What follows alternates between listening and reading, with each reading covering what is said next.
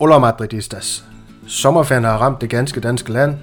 Torfeberen det samme, hvor de danske rytter leverer noget vidunderligt cykelløb på de franske landeveje, ligesom de, de selvfølgelig også øh, leverede smukke ting på de danske landeveje på de første tre etaper.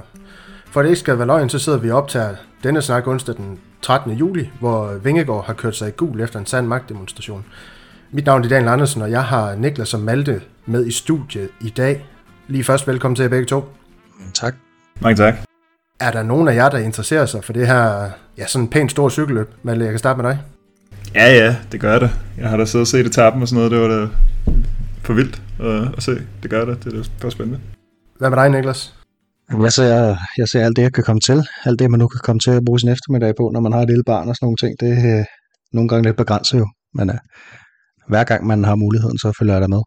Ja, lige præcis det. Det samme gælder naturligvis mig. Jeg er sådan en rimelig stor cykelentusiast, i hvert fald når det foregår i fjernsyn. Ikke for mit eget vedkommende, uber i jernhesten på de danske landeveje. Det er jo sådan, det er.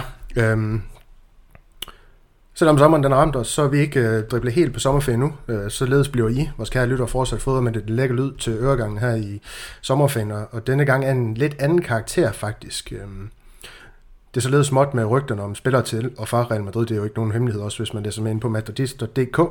Så derfor har vi valgt, at denne uges udsendelse bliver dedikeret en lille øvelse, hvor vi hver især, i hvert fald de to velforberedte her i panelet, altså Niklas og, og Malte, i det her tilfælde vil forsøge at komme med et bud på, på en holdopstilling med de 11 bedste spillere nogensinde med 150 kampe eller under for Real Madrid i historien. Et lille sjovt eksperiment her i sommerpausen, synes vi selv. Og Niklas, det er jo lidt din idé, den her, som vi vil forsøge at vække lidt til liv i dag.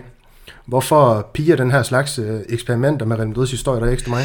Øhm, jamen jeg er jo for det første, så er jeg jo historielærer, så jeg har øh, interesseret mig for historien sådan helt generelt, og selvfølgelig især øh, sportshistorie og Real Madrids historie øhm, og så er det jo nogle spillere, som vi ikke særlig ofte taler om, de her spillere, som ikke har, det er ikke alle sammen, der har sat et lige stort aftryk på, på Real Madrid og de her mennesker her. Og så er det også lidt, altså vi har snakket om, det er lidt sådan en blanding her, så hvis man synes, der er en mærkelig spiller med, øhm, så kan det godt være, for, fordi det er en eller anden, der har, der har rørt ind på en bestemt måde, øh, så, som ikke nødvendigvis er den bedste spiller øh, på, på pladsen nogensinde. Ikke?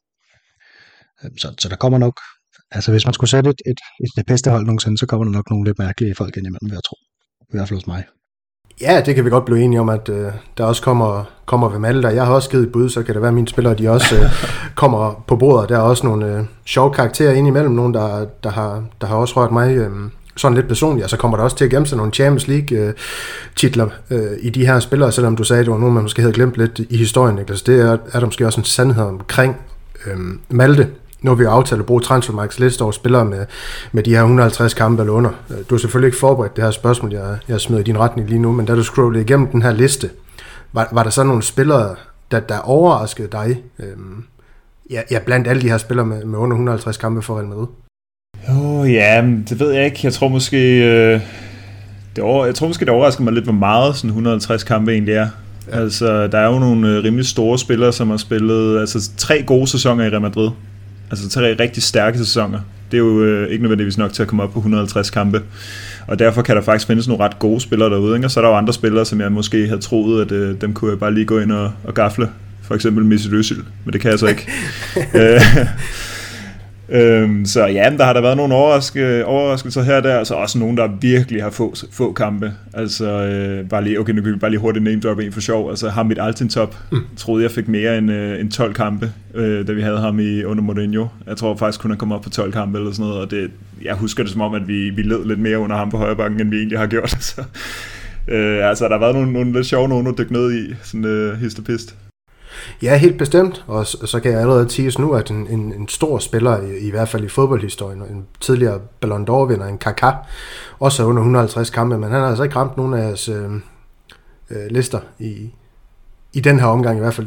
Jeg mener, han ramte en anden liste med, med nogle fejlindkøb på et, øh, på et tidspunkt. Øh, en podcast, vi, vi også har optaget i tidernes morgen. Øhm, inden, vi, inden vi sådan hopper ud i den her i de her bud, på en all-time 11, eller en all-time 11, nu skal vi jo også snakke lidt dansk, med, med 50 kampe med Lunde for Real Madrid, så synes jeg lige, Niklas han åbnede lidt op for det, men hvis I hver især sådan lige kunne fortælle vores lyttere, hvilken præmis I har valgt at arbejde ud fra med jeres respektive hold, øh, Malte, her kan du øh, få lov til at lægge ud.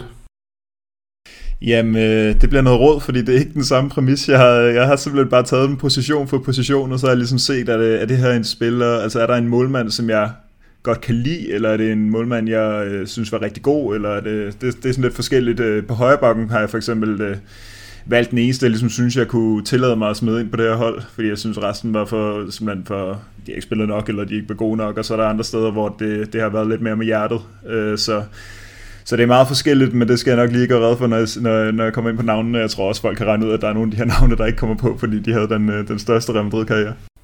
Lige præcis. Hvad med dig på, på det spørgsmål her, Niklas?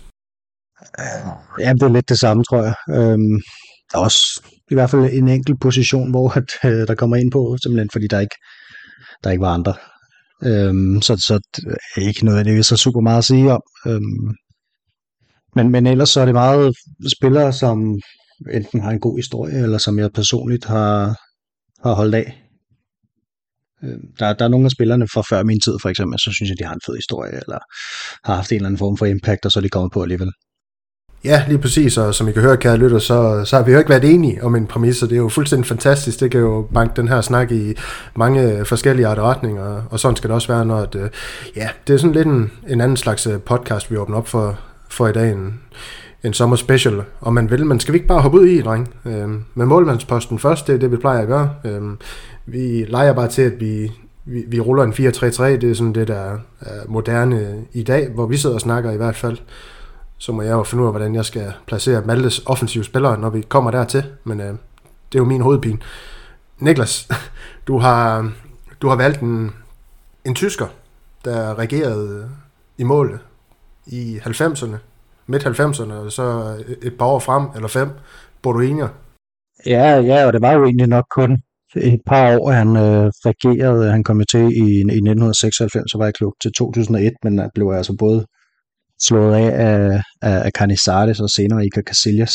Øhm, han var målmanden dengang, at jeg begyndte at følge med sådan, jeg var selvfølgelig meget, meget ung, men øh, dengang jeg begyndte at se lidt Real Madrid, der var, der var Bodo Ilner målmanden. Øhm, og, og, og ham synes jeg faktisk var ret sej, og han har faktisk også, han har jo et ret fedt CV trods alt. Altså, der, der, der er nogle Champions League titler på, og nogle, nogle ligaer. Øhm, og så kan man sige, at han er måske uheldig at være her samtidig med, at øh, der lige kommer sådan 18 år, Iker Casillas op og bare splitter det hele ad.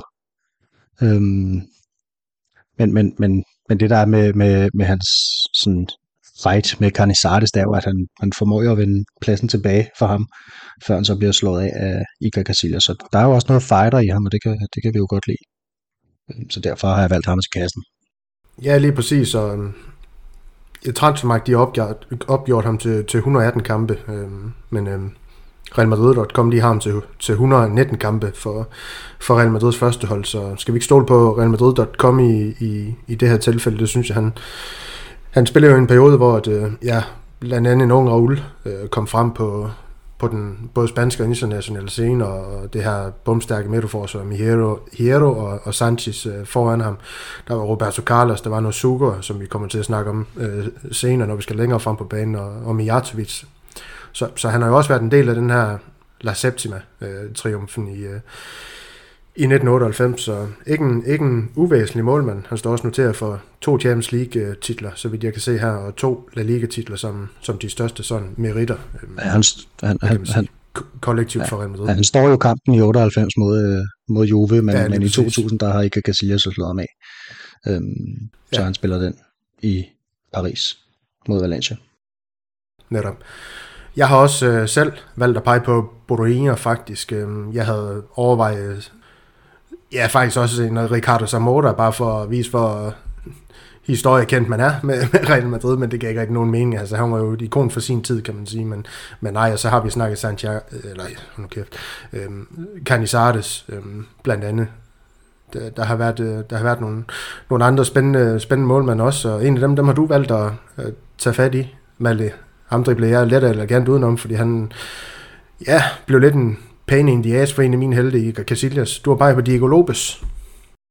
Ja, det er da sjovt, du siger det, fordi det kan jo godt måske hænge sammen med, at jeg ikke har den helt samme øh, stjerne med Casillas faktisk. Det kan være det er derfor, jeg, øh, jeg har taget Diego Lopez, som jo spiller 73 kampe, og det er sjovt, fordi jeg tror, hvis du havde lavet et quizspørgsmål på et eller andet tidspunkt om, hvor mange sæsoner spiller Diego Lopez egentlig i Real Madrid, så tror jeg måske godt, jeg kunne have sagt mere end halvanden. Altså jeg havde nok gættet på to og en halv eller sådan noget, men han spiller jo kun halvanden sæson, fordi han kommer til i januar 2013. Øh, efter at, øh, ja, hvad er det, Mourinho, der vil, med død og pine vil sætte Casillas af og prøver sig med Antonio Adan, og den endnu større katastrofe, og så bliver han simpelthen nødt til at hente Diego Lopez. Og øhm, jeg synes jo faktisk, Diego Lopez gør det rigtig godt.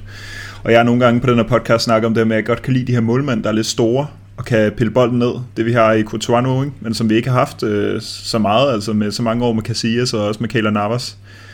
Øh, men her havde vi altså en, øh, en rigtig, rigtig dygtig keeper, som nok øh, formentlig har spillet over, hvad hans egentlige niveau er. Altså, det, det må vi næsten antage, for jeg synes, han var knaldgod altså, i, de, i de sæsoner der. Og så så det er jo også lidt vildt, øh, når man tænker på Diego Lopez. Altså, han er fra januar 2013 til 2015. Det vil altså sige, at han, han er med, når Bale han løber udenom Bartra og sender øh, kuglen i nettet i Copa del Rey i 2014. Han spiller bare ikke finalen, og han spiller heller ikke La Decima. Det gør øh, Casillas, og han er nærmest øh, ved at sendes ud ikke, på grund af den der fejl, han laver. Øh, så han har altså nogle kæmpe store titler på CV'et, men det er bare ikke noget, man forbinder overhovedet med Diego Lopez. Til gengæld så står han hele sæsonen i ligaen, ikke? Som, øh, som vi så ikke vinder. Det må være et lidt år. Øh, så ja, og så, så ender han jo så med at ryge ud, hvis nok altså, det må vel være det samme transfervindue simpelthen som uh, Casillas, selvom de to de står der, og der kommer det der målmandsråd med, så skal den ene spille i den ene turnering, og den anden skal spille i den anden, og så virker det lidt som om, man kan man så ikke bare skille sig af med den ene, altså for at vi undgår det der, så tror jeg faktisk, vi skiller sig af med begge to samtidig. Uh, og så røg han til Milan, så vidt jeg husker, og gjorde også blandt andet slået af, det må jo næsten have været Donnarumma, men, uh, men altså, jeg, jeg synes bare, han, uh, han, han, han spillede uh, halvanden flot sæson, og så er han øh, Real Madrid, øh, fra Real Madrids akademi også, sådan, så ja, det er, det er lidt, faktisk lidt på niveau, at jeg har valgt ham her. Ja, og for at snakke lidt mere Mourinho om ham, så havde han jo også i 12-13, var det ikke 12-13, hvor vi har den her Manchester United-kamp på Old Trafford, hvor han også står, han står vist også øh, hjemme mod dem, øh, den her, hvor Modric han scorer via stolpen, og Cristiano han scorer på Old Trafford også, så vi vinder 2-1, spiller 1-1 hjemme. Nej, det får et kort. Ja, netop, netop. Øh, ved stem, efter at have stemt Abelora i, i brystregionen. Øh, så han, han, han stod nogle, nogle fine kampe i den periode. Det er, det er ganske sandt, øh, Malte. Men ja, det er også det her med, at øh, og vi snakker de spiller her, så er det også lidt, om det er nogen, der har rørt. Og han har, han har rørt dig, hvor han måske ikke lige har, har, har rørt, i hvert fald mig på, på, på helt samme måde. Men øh, fred er med det, og lad os da hoppe videre til, til, øhm, til højre bakken, hvor vi alle tre har, har valgt at pege på en øh, italiener, der har spillet i klubben fra 97 til, til 99, Niklas. Er det en, du vil øh, åbne op for? Hvem er? Christian Panucci, øhm, som fik 96 kampe og scorede 6 mål. Han øh, vandt Champions League her i 98, som vi snakker om før, i det her altså brølstærke forsvar med Carlos og Sanchez og Fernando Hierro, og så, øhm, så Bodo Ilner bag sig, øhm, og en liga og en interkontinental cup, og så en, en supercoppa. Øhm, den første italiener i klubbens historie. Øhm, jeg, jeg husker ham som ret øh, solid højreback. Øhm, husker ham nok egentlig bedst for hans tid i Roma, hvor han kom til senere og spillede i en del år. Øhm, men, men ja, han forlod Real Madrid rimelig hurtigt, og, og det har han også senere helt kaldt den største fejl i sin karriere. Da Cristiano Ronaldo han skulle smutte fra Real Madrid, øh, da man fandt ud af det, der, der var Panucci ude og, og rådede ham til at lade være, fordi han selv havde fortrudt det så meget, at han gjorde det i sin tid. Så lidt kredit skal han da have. det skal han da helt bestemt, eller har du nogle tilføjer til øh, den gode Christian Panucci? Jamen, jeg synes at det er sjovt, vi alle sammen har taget ham egentlig. Det havde jeg ikke regnet med. Øh, men det er jo også øh, igen i mangel på bedre. Altså, hvad skal man tage? Sådan noget Michael Essien, der spiller en, øh, en fæsende sæson i 12-13, eller sådan noget Jeremy, eller Miguel Torres. Altså... Jeg, jeg kan nævne spillere som Cezinho og Carlos Diogo også, der havde ja, 150 kampe, så, så ja, vi, ja, de er ikke engang kommet ind på min boblerliste. Nej, præcis. Det er sådan lidt en brå skar, ikke?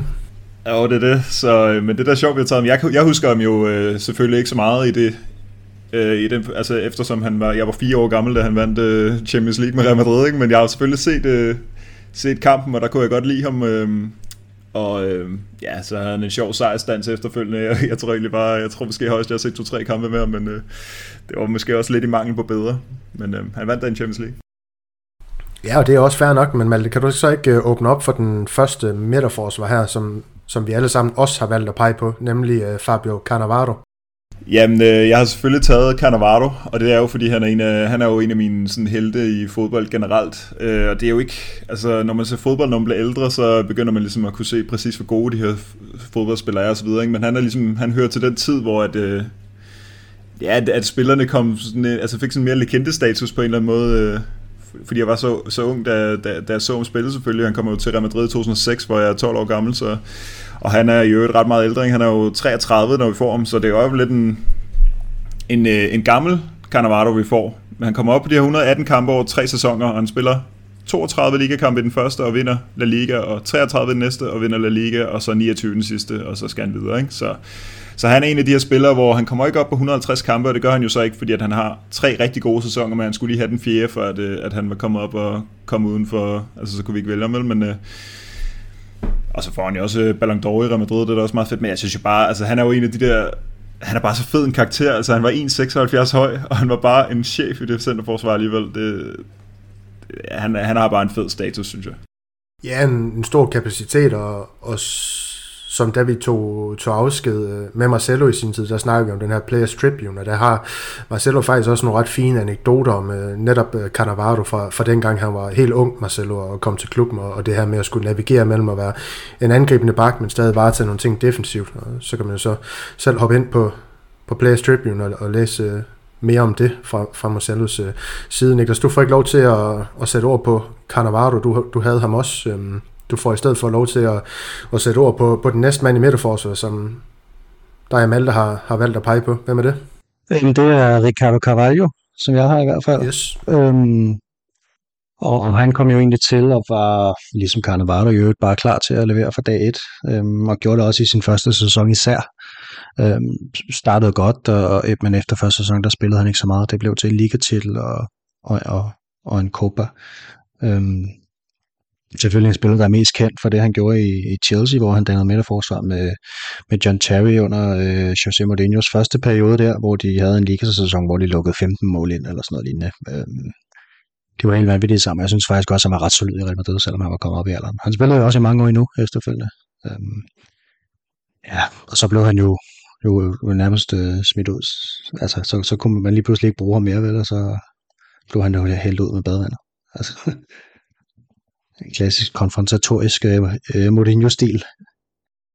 Lige præcis, og, og Mal, du har som sagt også valgt at pege på Ricardo Carvalho. Jeg, jeg gik faktisk udenom Carvalho, det var også en af, af mine bobler øhm, til den her position. Jeg har valgt at pege på Aitor Caranca, der spillede i Real Madrid fra, undskyld, fra 97 til, til 2002. 149 øh, kampe står han noteret for på realmadrid.com, øh, så han, han klarede lige kortet i forhold til den her, den her opgave, vi, vi, vi havde fået til i dag. Øh, tre Champions League-titler, en, en liga-titel, øh, nogle spanske Supercups. Øh, han formede jo et, øh, ikke nødvendigvis et fast midterforsvar med, med, med Hierro, men, men han, han, var, han var i hvert fald en, på et tidspunkt øh, en, en fast stamme i midterforsvar sammen med Hero. Øh, der var også Alguera øh, på det tidspunkt, en Ivan Campo, som han blandt andet startede øh, Champions League-finalen sammen med øh, i... Øh, 2000, må det være.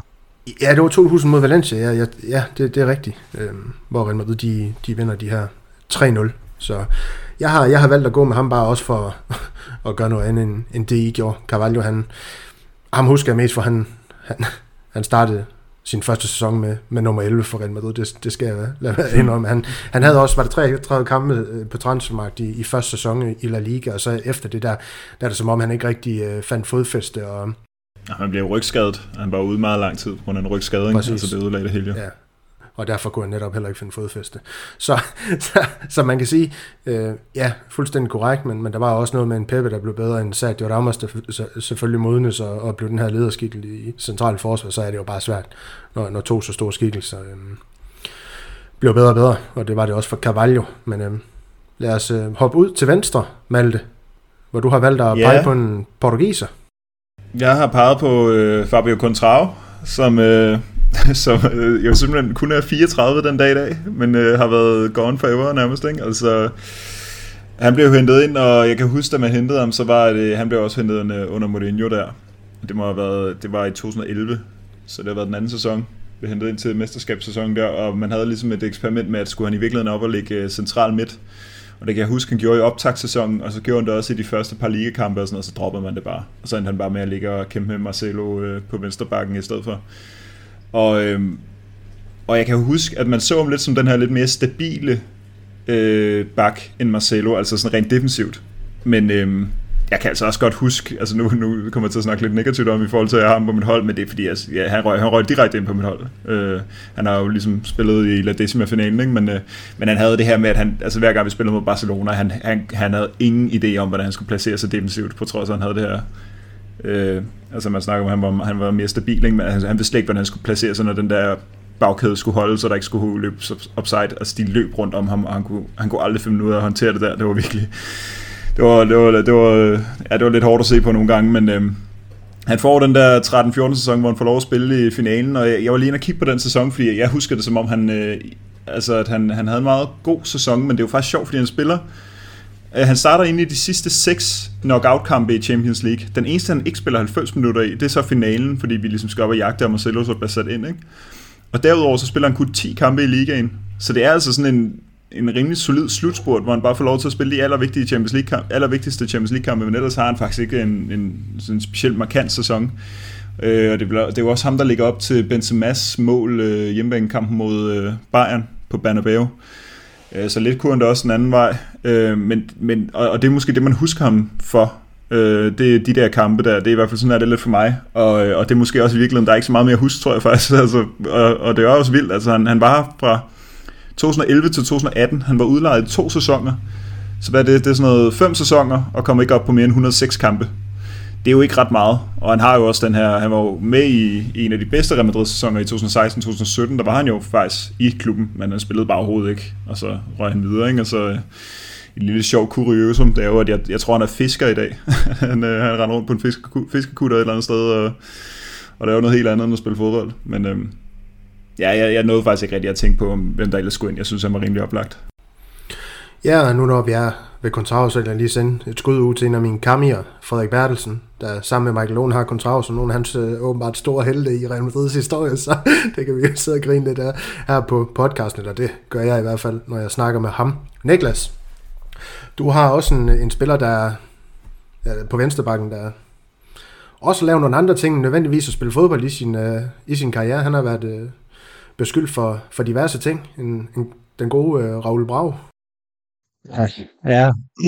ja han kommer jo på i, i mangler bedre, synes jeg. Altså, Contrao var en bedre spiller, end Raul Bravo var det, men, øh, men jeg prøvede mig sgu ikke særlig meget Contrao. Altså, det må jeg sige. Han virkede jo vanvittigt uintelligent, synes jeg, og en lille smule doven. Um, det er sandt. Ja, men, men ja, altså, Øh, 133 kampe for Real Madrid, øh, Champions League, Intercontinental øh, Cup, øh, Europæisk Supercup, Liga, øh, Supercups til Raul Bravo. Øhm, var jo, var jo venstre bare primært, men stod selvfølgelig altid i skyggen af Roberto Carlos. Det kan ikke være anderledes. Han spillede Real Madrid fra 2001 til 2007. Um, øhm, og så spillede han også en gang med central forsvar, så kan jeg også huske enkelte gange, øh, hvor han var højre bak, der er sådan et Champions League skulle engang sådan promovere deres produkt, eller sådan deres intro-sang. Der var sådan en, en video af Zlatan Ibrahimovic i Juventus, der, øh, der afdribler en, en Real Madrid-spiller noget så grusomt, og det er altså Raul Bravo, der er højre bak på den video der. Øhm, så vidt jeg kan se, så er han 41 år i dag og spiller, øh, spiller stadig fodbold for en klub, der hedder UD Beniopa. Øhm, men, men det var jo sådan en spiller, som den her øh, Pavones-agtige spiller. Øhm, det var den eneste grund til, at der var plads til sådan nogle spillere, det var jo den der filosofi. Altså han var ikke blevet god, hvis vi skal være bundærlige. Nej, det, det var han da bestemt ikke, og det var Maria heller ikke, som, som også kunne have været nævnt til, til midterforsvar, og, og hvor han ellers blev placeret hen i, i Real Madrids øh, bakkæde, dengang han huserede der i de glade nuller, i hvert fald starten af dem. Jeg har valgt at, at gå med Miguel Todes fra De Glade Nuller. En spiller, der, der heller ikke opnåede ret mange kampe for Real Madrid. Han, han ramte 70 kampe i alt, og 21 af dem ifølge Transfermarkt, det var på højre bakken, hvor 28 var på vensterbakken. Jeg husker ham mere som, som vensterbak i, i Real Madrid. Han blev rykket op i den her sæson, som jeg refererer mange gange til, som en af de, de største for mig som Real Madrid-fan, den her 6-7 sæson øh, under Capello. Jeg, han var naturligvis en begrænset spiller, det var også derfor, han ikke fik mere end en tre sæsoner, mener jeg, der var, eller to og en halv sæson i, i Real Madrids hvide trikot, men øh, han, var en, han var en skæg spiller, han var en spiller med at gå på mod en spiller, der vil Real Madrid og, og kæmpe hele tiden. Øh, jeg har egentlig ikke så meget mere at sige om ham. Det var en spiller, der, der rørte mig på den måde, så jeg synes, han skulle ind. Klart, at Contrao, han var en bedre fodboldspiller. Jeg vil heller ikke udelukke Raul Brau, han havde mere talent end Mikkel Todes, han i virkeligheden havde, men øh, Mikkel Todes for mig. Så skal vi ikke øh, parkere bagkæden, og så hoppe frem til det, der må blive midtbanen. Vi skal have fat i en franskmand, Malte, på sekseren. Og ham har vi alle tre i øvrigt.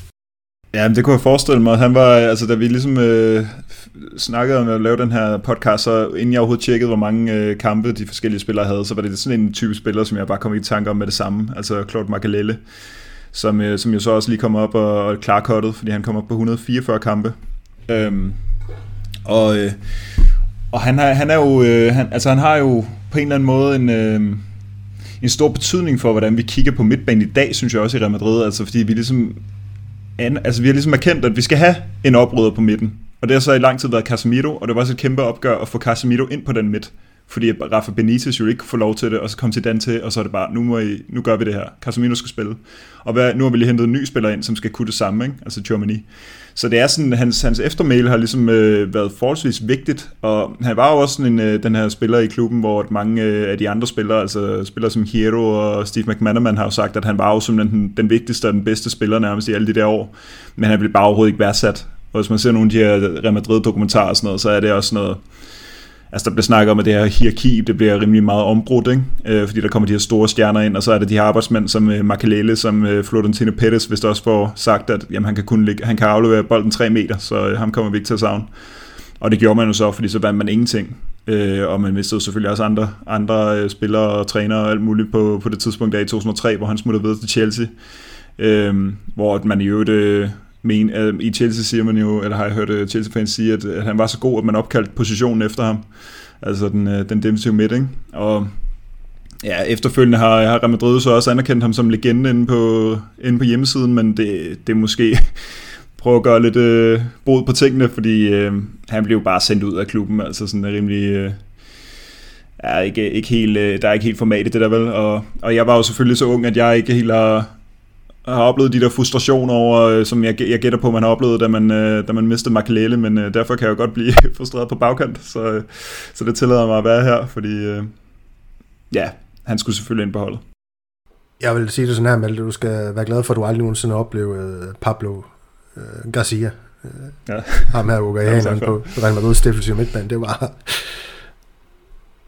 Ja, det var, den dårligste fodboldspiller, der har spillet i Real Madrid. Jeg tænker på ham hver dag. Ja. hvis han var dårligere end Danilo, så var han rigtig dårlig. Nej, det var han. Det var, han. Det var, det var så skidt. Men uh, jeg synes egentlig, vi skal parkere McLean nu, når vi alle sammen har ham. Uh, Malte, du kommer fint igen ham. Og så på den ene 8, der har vi alle sammen også den samme. Han er dansker. Jeg har valgt at placere ham på 8'eren. Øhm, Niklas, hvem, uh, hvem har vi valgt at placere det her? Det er ikke Graversen. Vester. Mikkel Laudrup. Uh, 76 gamle, 15 mål spillede i Real Madrid, kom til for Barcelona der øhm, i 1994, da han ligesom, ja, for det første så var han jo ude af holdet, men for det andet så, øh, så skulle han jo vælge en ny klub, og hvem havde ikke så mange spillere med til VM i 94? Det havde Real Madrid ikke, så derfor tog han til Real Madrid, fordi der tænkte han, der kan jeg vinde noget derovre. Og det kunne han jo. Øhm, det blev til en, til en ligatitel og en, og en 5-0 sejr over Barcelona, så vidt jeg husker. Øhm, Fuldst, altså, hvis, jeg vil lige, øh, jeg sad lige og kiggede ind på realmadrid.com, og jeg vil lige prøve at læse lidt op. Øh, jeg har så oversat det til dansk øh, for alle skyld. Øh, hmm, der står simpelthen, Michael var et vidunderligt talent og en af de bedste spillere i europæisk fodboldshistorie. Hans overblik på banen var perfekt, selv i det mindste rum, og han stod ud for sine evner til at levere de afgørende bolde, mens han kiggede den anden vej. Han var en helt særlig spiller, hvis elegance på bolden og ødelæggende evner gjorde ham næsten ustoppelig. Øhm, og det siger jo lidt om en spiller, som, øh, som var i Real Madrid i, i så kort tid, at han har fået så stor en status. Og, og senere han, der er han jo blevet kåret til den bedste udenlandske spiller i spansk fodbold i de her 25 år, der går fra 74 til 99. Så der var altså nogle rimelig gode spillere ind imellem. Øh, han spillede selv sammen med nogle stykker i, i sådan Stoichkov og Romario, og Ronaldo var der jo også. Og, øhm, jamen, han, han var jo enormt god, og hvis, der er, jo, der er jo folk, der siger, at hvis han har været fra Brasilien, så har han også fået sin Ballon d'Or, men, øh, men, men han var fra Danmark, så det gjorde han ikke. Øhm, det, altså, jeg, jeg tænker ikke umiddelbart, at vi får en herhjemme, der, der har det niveau igen. lige med det første. Så selvfølgelig går han på, altså selvfølgelig. Jeg tror også, hvis man har vokset op i, i den tid, hvor vi to voksede op, Daniel, så, øh, så er han over alle nærmest. Michael Laudrup, han, han var overalt dengang. Ja, det er ligesom Carlsen over alle andre for nogen, så er Michael Laudrup selvfølgelig også med rette over alle andre øh, danskere, men, men egentlig også øh, udlandsprofiler i spansk fodbold. Ikke, der har selvfølgelig været nogle, nogle store spillere, så man skal jo passe på med ikke at tage munden for fuld, hvad, hvad det angår med Mikkel Laudrup. Han var en helt særlig spiller, og også for at opkalde noget, noget finder efter ham. Iniesta, store idol blandt andet. Og, altså, der er, nogle, der er nogle, nogle store spillere i spansk fodbold og international fodbold sådan helt generelt, der har formet deres spil efter Michael Laudrup. Det synes jeg også, det, det, det siger en hel del. Det, det må jeg bare sige. Øhm, Malte, du får ikke øh, lov til at, at snakke om øh, mister i, i den her omgang. Du får i stedet for lov til at, at snakke om spiller, der jeg ved ikke, om han var lige så talentfuld, eller er lige så talentfuld, men Marcos Llorente. Lad os øh, antage, at han ikke er lige så talentfuld. Øhm, selvom at der jo kunne være rigtig meget talent i manden, altså hans, øh, ja, hans, øh, hans familieforhold øh, taget betragtning. Han var jo, hans far spillede i Real Madrid, Paco Llorente, og så øh, var hans grandonkel, tror jeg det var, det var Paco Rento. Og hans øh, morfar var Ramon Grosso, som altså er tre, øh, ja. især de sidste to, er, er store navne i, i Real Madrids historie. Og jeg har taget med, altså han har spillet 39 kampe, jeg er ikke sikker på, at vi finder en spiller, der har spillet færre, eller jo, det gør jeg faktisk måske endda selv senere, det, det kan vi lige kigge på, men, øh, men øh, ej, jeg havde den der fornemmelse, at han er en af de her spillere, der, der led lidt under, at han bare ikke fik lov til at spille under Zidane. Altså sådan er det bare. Casemiro han var første mand, og hvis Casemiro var skadet eller syg, eller havde var i karantæne, så kunne øh, Lorente få lov at spille. Og jeg havde altid den der fornemmelse af, at han lå inde på midten og var sådan et altså han var sådan en bold, der var i gang med at bare springe i luften af energi, men han fik bare kun lov til at skulle varetage den samme rolle som Casemiro. Så en gang imellem fik man lov til at se det der enorme drev. Altså, vild, altså kæmpe, han er jo mega hurtig, Lorente, men det var, altså, det, det var som om, man aldrig rigtig sådan fik lov til at, at omtale ham som en hurtig spiller, på samme måde som vi har ligesom lært, at Fede Valverde er lynhurtig, og øh, Rafael Varane var lynhurtig, fordi, men, men Lorente lå ligesom i den der lidt bundne opgave, så det var ikke så ofte, men lige en gang imellem fik man lige lov at se det der energi, den der energiudfoldelse. Øhm, men det nyttede jo bare ikke rigtigt, fordi så kom Casemiro tilbage, og så røg han ud med det samme, også selvom han lige får nogle gode Copa del Rey kampe her, var der vist et, øh, et, et, et, et januar, øh, januar måned på et tidspunkt, og Ja, så, så kommer han jo så til, til Atletico Madrid, og så får han bare lov til at udfolde sig. Ikke? Nu er det så vist øh, halvanden sæson siden, han har været rigtig god, men, øh, men jeg synes, det er fedt, den måde øh, Simeone fik lov at, at få hans talent frem. Og jeg, jeg, jeg har jo sagt det før, jeg ærger mig bare over, at vi ikke fik, øh, fik, fik det der frem hjemme i Real Madrid. Altså, han behøvede ikke at ligge inde som den der sekser. Altså, han, han, kunne, han kan så meget andet. Altså, øh, det har vi jo set nu. Og, og så er han jo bare...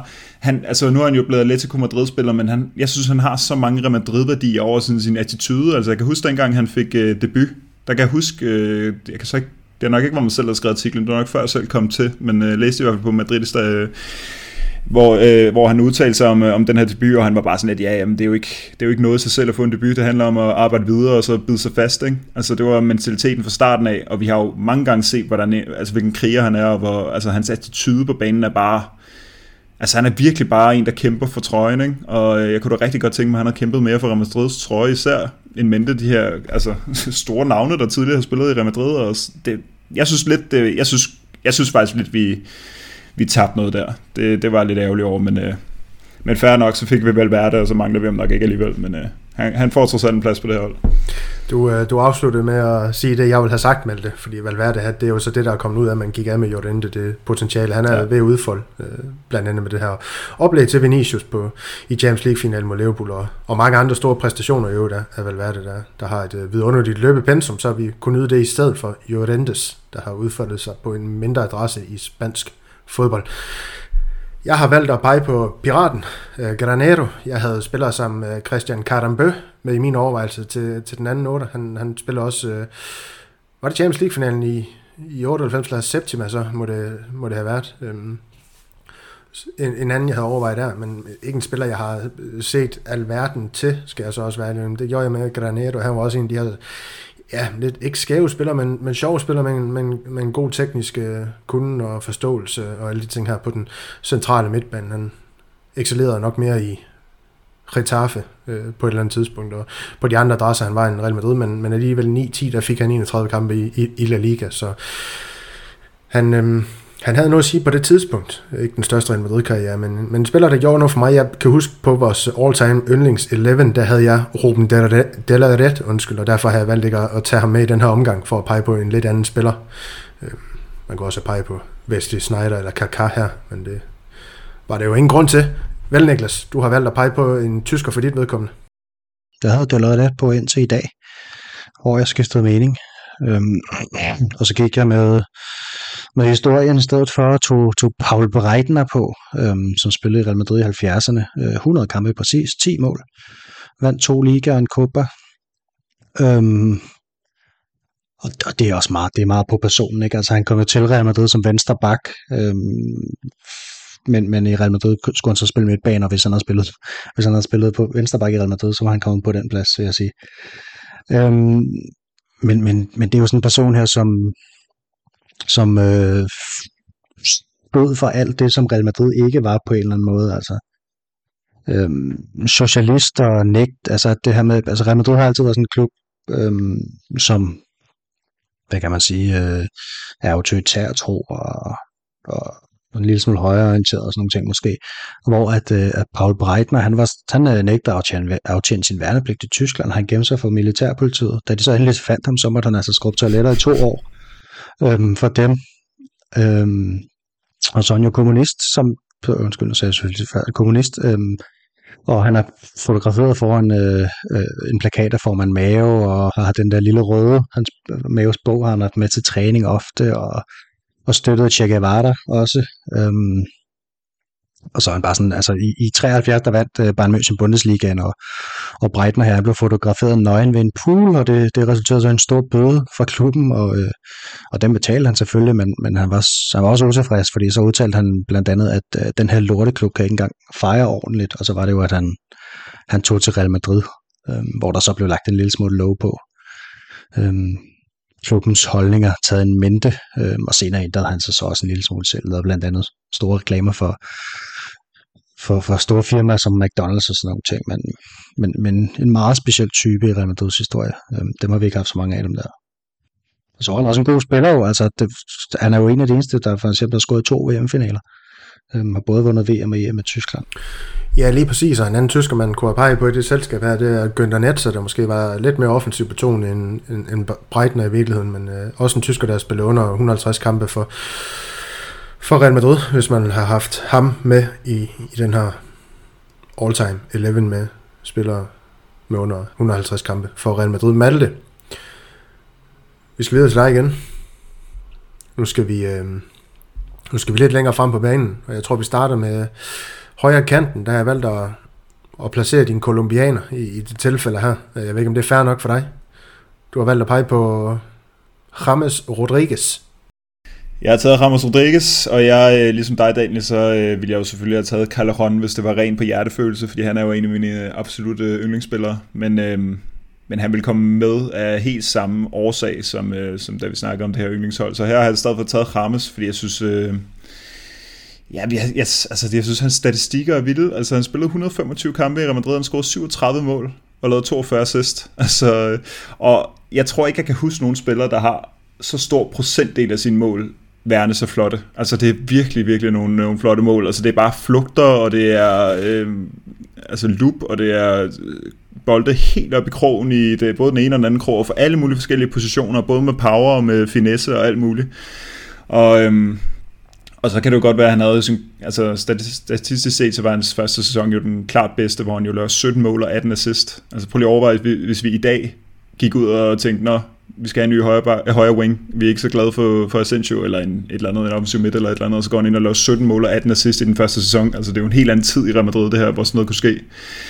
Øhm, og så, så er det jo så lidt sørgeligt med, med Hamas, fordi han, øh, han kan jo ikke rigtig kan jo ikke rigtig bide sig fast, og der er altid det her med, han er, han er lidt ligesom Isco, hvor han altid er sådan 12. 13. mand, og øh, Gud forbyde, vi skulle spille med dem begge to på én gang, øh, tænkte man ofte, ikke? og han var måske lige en plads foran, bus, foran i bussen med, med hensyn til Isco, men øh, men han får jo i modsat Isco ikke spillet i 2016-finalen imod Atletico, og så er han slet ikke med i truppen i 2017, og så skifter han jo så til Bayern i, i, to, på, på lejeophold i to sæsoner, og så får han den her fuldstændig ligegyldige 2019, øh, ja, 1920 sæson, hvor øh, øh, Zidane ikke rigtig gider bruge ham, udover når han lige fuldstændig altså, i det her corona-slutspurt lige smider ham ind her og der, ikke? Men, øh, men i forhold til, hvad han, hvad han ligesom var, da vi hentede om, øh, ja, altså VM-topscorer og flot slutrunde med Colombia der tilbage i 2014, så, øhm, så levede det ikke helt op til det, og det var måske også lidt et af de der køb, hvor sådan, altså, stod vi lige og manglede sådan en type, det, det husker jeg det bestemt ikke som om vi gjorde, men øhm,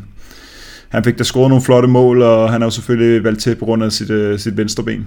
Og så jeg, jeg synes på en eller anden måde, at jeg altid har fornemmet, at han, det kan godt være, at det ikke er sådan her i panelet, eller øh, blandt den danske fanskare, men jeg synes på en eller anden måde, der har været noget med, at at Rames på en eller anden måde fik bidt sig lidt fast sådan i Madridismoen. Altså jeg synes, der har været sådan en, en støtte til ham, og, og folk godt kunne lide ham. Altså jeg ved ikke, øh, måske mere internationalt, og sådan, hvad man følger med på de sociale medier og sådan, men øh, ja, det kan være noget af det der, sådan, øh, han har også haft noget af det der lidt Ronaldo-attitude nogle gange, må, måske bare ikke haft helt så meget bundet op, bindt op på, men øh, sådan vindergen og sådan noget, og så desværre samtidig ikke haft nok disciplin til at holde det ved lige.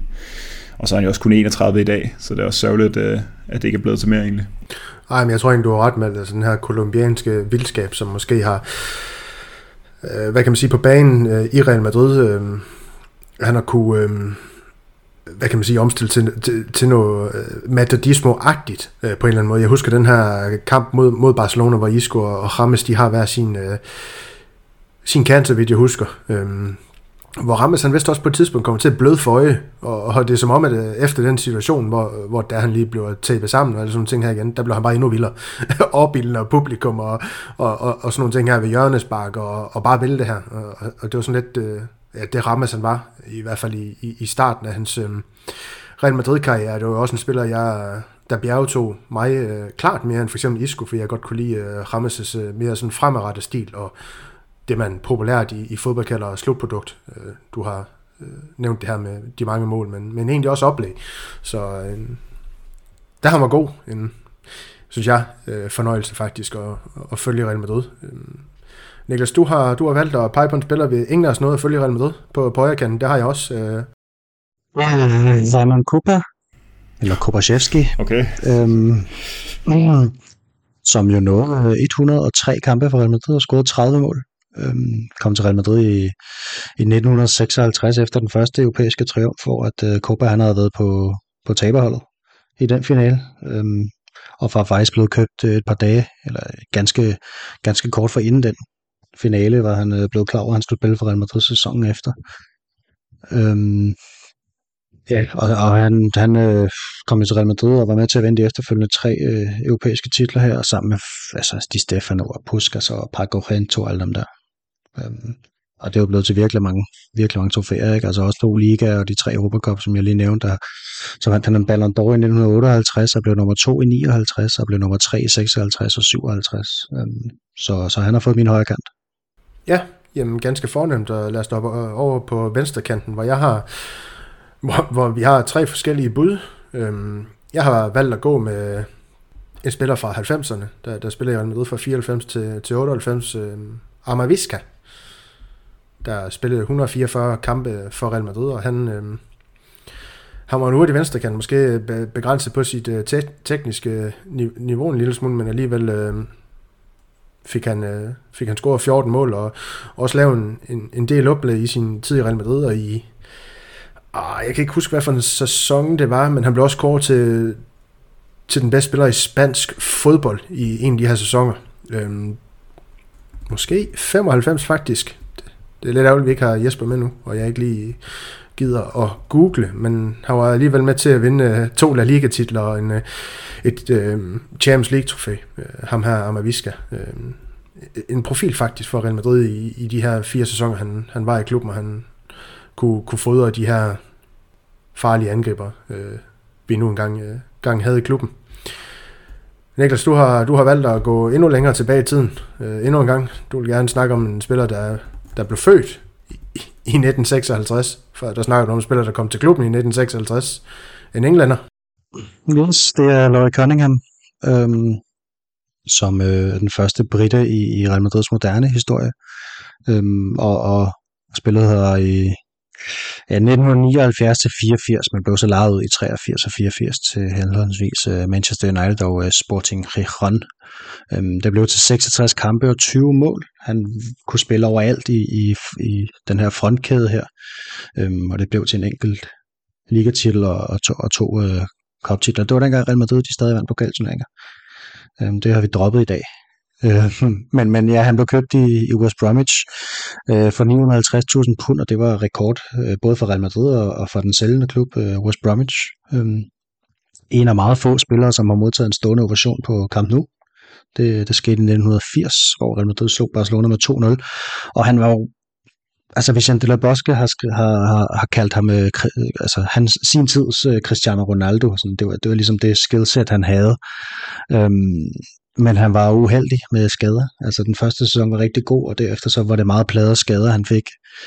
Øhm, blandt andet øh, en grim takling fra en Betis-spiller i 80-81 sæsonen, som holdt ham ude af det meste af året, og, og i hans skadesperiode, der dukkede så nogle billeder op af, at han var på natklub og dans i sin, øh, med alle sine forbindinger på, og det, øh, det, det, det betød så en bøde på en million øh, pesetas, som, som vil svare til cirka 200.000 øh, kroner, og det var jo også en rekord dengang, altså der var sindssygt mange penge i 1980, ikke?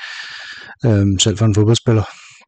Og, og på trods af alle de her skader her, så blev han altså presset øh, til at vende tilbage og spille Europacup-finalen mod Liverpool i 1981, som vi jo talte om for et par måneder siden, øh, hvor Real Madrid tabte med 1-0. Øh, og de spillede på, på, på Parc des Princes, og banen var en katastrofe, så det var måske ikke det mest gunstige forhold for en, en meget skadespladet spiller.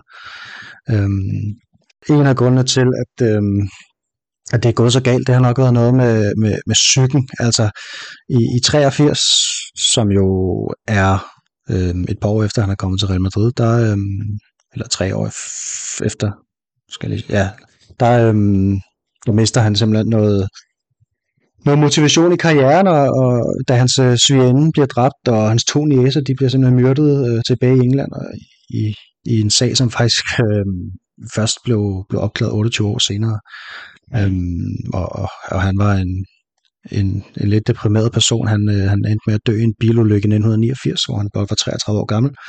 Øhm, der var han på vej hjem fra en fest med alkohol i blodet, så, så det var ikke specielt smart. Men øh, ifølge alt, hvad man kan læse sig frem til og se af klip og så videre, så var han en, en, en meget hurtig øh, kandspiller og driblestærk og havde et godt, øh, et godt skud. Og, ja, han får min, øh, min venstrekant.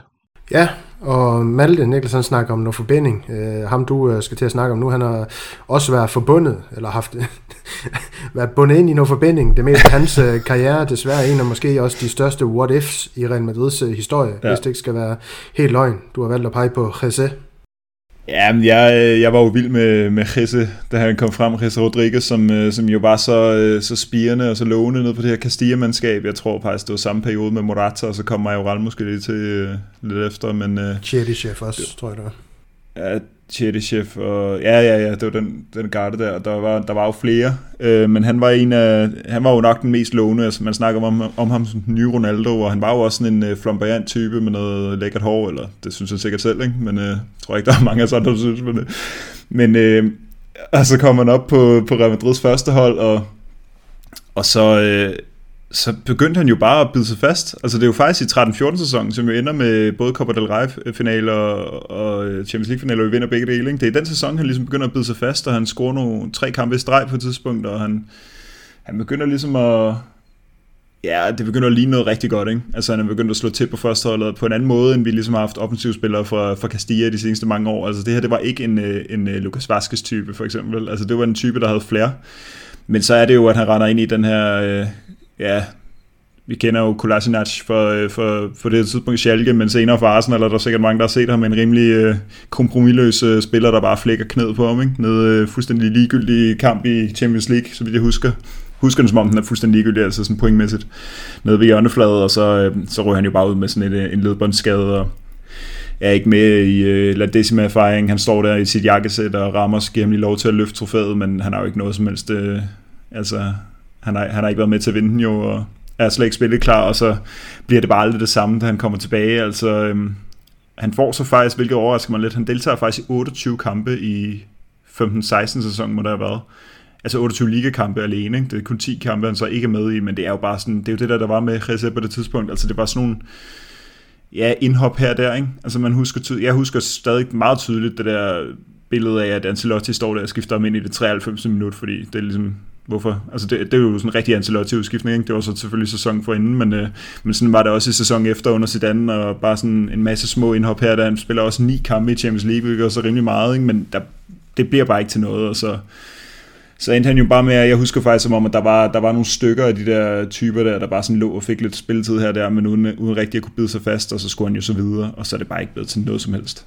Altså, ja, det, øh, det har været nogle små lejeophold her og der, og han har lige vist sit uh, talent uh, meget sporadisk. Jeg kan huske, da han kom til Premier League og spillede for Stoke. Jeg tror, han scorede en kamp mod Arsenal, fordi jeg selvfølgelig skulle se alle kampe, som Reza var med i. Uh, men så uh, er han der vist kun i det halve år, og så er det noget med, at hans, ja, han får et for tidligt født barn, som vist gør, at han, uh, at han ikke rigtig øh, spiller mere i Stoke, og så rører han vist tilbage, og nogle gange har man sådan helt glemt, hvor han er, og så finder man ud af, at han er, han er i PSG, uden at være spilleberettiget, fordi han ikke er indskrevet, ikke? og så, så rører han til Las Palmas lige pludselig, tror faktisk, han scorer i en kamp mod Real Madrid for Las Palmas, men så har han lige og hanke op i sig selv i den kamp, men så er det jo stadig ikke rigtig blevet til noget, så ja, det, det er virkelig en what if, altså både for Real Madrid, men også for, øhm, for fodboldverdenen generelt, men altså, det kan også godt tyde på, at han ikke har haft disciplinen til at stå distancen, ikke? men øh, der er bare virkelig lige nogle år der, hvor det, med, altså også fordi Real Madrid scorede så mange mål på det her tidspunkt, altså det var jo med, ja, da han kom frem, var det jo både med Di Maria, med Ronaldo og Benzema og alle dem der, ikke? og så, øh, der er masser af assist og alt muligt og mål og alt muligt, men øh, så rører han jo bare ud, og et helt år ude, når du øh, er på vej frem, det, øh, det, det er dyrt, ikke? Øhm, Asensio kom bedre over det, vil jeg sige. Øh, han har måske bare noget niveau, niveau han har, ikke? men Risse, der, han, var, han var jo, han bliver aldrig det samme. Nej, det, det gjorde han, øh, som du har været inde på, desværre ikke. Øhm, to mere succesfulde spillere i øh, Real Madrid's historie med, med under 150 kampe. Det skal vi til nu. Øh, nieren på, på de her hold, vi har. Malte, vi to, vi har den samme. Ham kommer du til at præsentere, Niklas. Altså du øh, kommer til at lægge for land med, med, din, øh, med din spiller. Jeg teaser lidt for, at vi kommer til at snakke om ham øh, lidt senere. Og, og det er så nu. Hvem har du valgt på, på nieren på dit hold? Jeg har valgt øh, Davos Suka på nieren på mit hold. Øhm, og Davos Suka, det er lidt sådan en, en barndomsheld for mig. Jeg kan huske ham øh, som værende utrolig giftig. Jeg kan tydeligt huske ham øh, også fra Kroatien, den her, den her han laver på Peter Smeichel, hvor han lige øh, går dybt på ham, øh, hvor Peter Smeichel han, han bevæger sig fuldstændig som en, som en spejlmand. Ikke? Øhm, han fik 109 kampe for Real Madrid, 49 mål. En enkelt Champions League, som jo var den øh, i, i 98 der, og så en Intercontinental Cup, en Liga og en, en, en Copa, og det er egentlig ret sjovt, når vi tænker, altså hvor mange for det der 98 hold, der bare ikke har spillet så mange kampe for Real Madrid. Øhm, der er lige en enkelt eller to i hver kæde, men altså, ja, sådan en kroatisk angriber, der er ikke fysisk stærk og teknisk stærk også, og virkelig kreativ i sine afslutninger også, som var sindssygt fed. Øh, der var Suka vælger så at tage til Arsenal i 99. Øhm, af gud ved, hvilke årsager, men, øhm, men det, det var en spiller, jeg rigtig godt kunne lide, da jeg var barn. Vi ved jo i hvert fald, øh, vi kender Jespers holdning til, om spillere, der, der tager for Real Madrid til, til Arsenal, men skal vi ikke lade være med at råbe for højt om det i, i dag, og så springe videre til Ruth van Gol, Ruth van Nistelrooy, Malte. Øh, en held for mig, og jeg har snakket om ham mange gange, derfor får du lov til at snakke om ham nu. Ja, fordi han var der jo i de der sæsoner, som du har snakket om før, Daniel, med alle de der remontader og sådan noget, fordi han kom over til i 2006, og øh, ja, smutter i, to, i 2010, januar 2010, så det er tre en halv sæson, må det være, ikke? Og, øhm, skadet har, til sidst, ikke? Ja, men han, han var jo, han, altså det hele blev udlagt af skader med Van Nistelrooy, og dem skal også øh, nogle gange øh, det sats, man tager, når man henter en, en 30-årig angriber, men øh, han var jo garant for mål i hele sin karriere, øh, også i Manchester United, og øh, i Real Madrid, der scorede han jo også 64 mål på 96 kampe, det er jo virkelig, virkelig flot, altså det er virkelig et, et flot målsnit.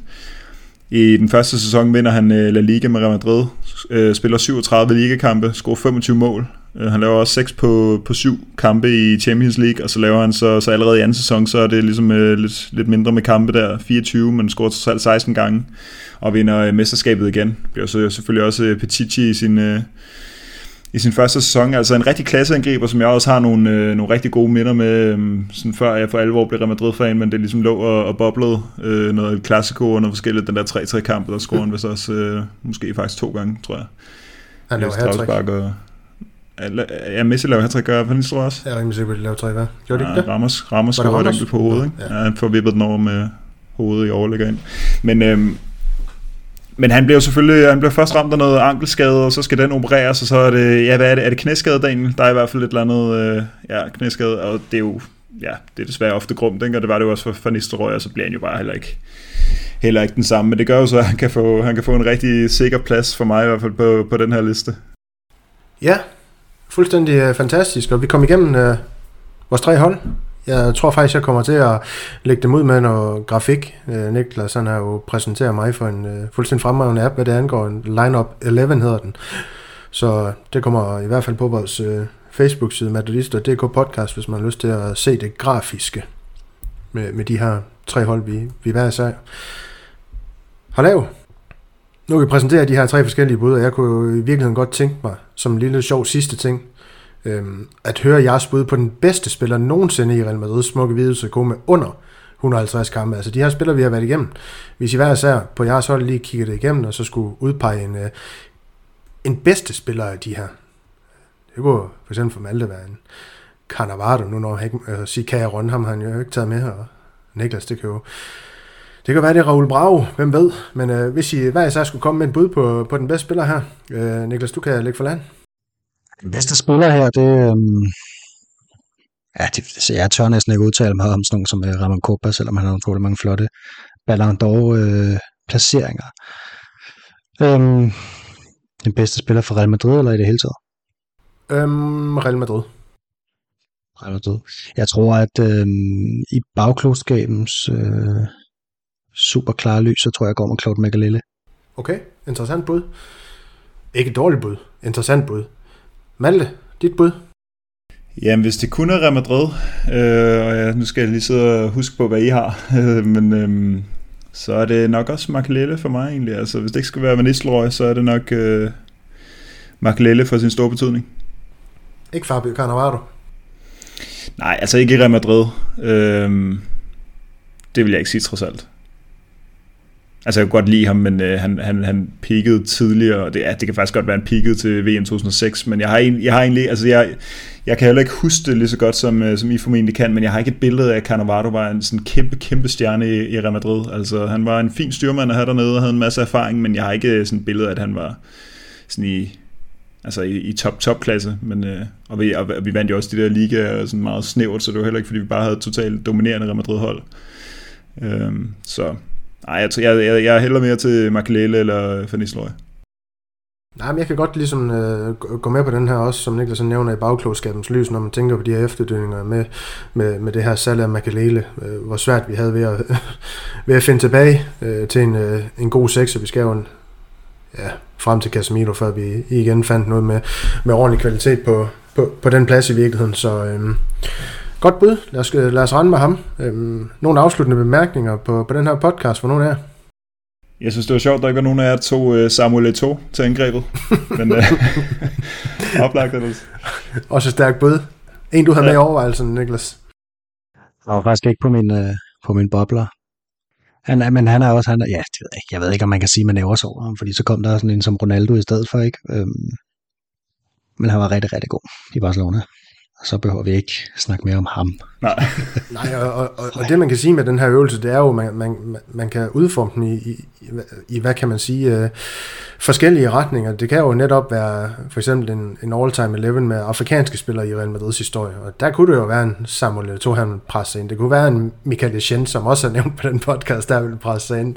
Altså der, der er rigtig mange muligheder. Jeremy, som, som vi også har, har haft snakket om. Uh, så der er mange muligheder i den retning. Ja, jeg vil lige sige med to. Han, han, altså, han er jo næsten madridista nu, fordi han hader Pep Guardiola så meget. altså den måde, han udtaler sig på. Det er ligesom Ibrahimovic. det er ret sjovt. Ja. Ja. Den, den effekt har Barcelona også på deres spillere, det er jo fuldstændig fremragende. Ja. Men øh, der er ikke, jeg har ikke mere for nu, og det har I heller ikke. Det er en okay. diktatorisk øh, beslutning fra, fra min side. Øhm, om vi udkommer i uge 30 og uge 31, det skal vi lade være usagt indtil videre. Øhm, vi ved ikke, om vi kan stille et, et, et hold til op til noget til jer, men så synes vi også selv, at vi har fortjent noget, noget sommerferie, hvis det er, at vi ikke udkommer. Men det kan jo være. Lad det være en uh, lille teaser til jer derude, vores lytter. Jeg har ikke mere at sige nu. Andre Madrid. Ja, Anders.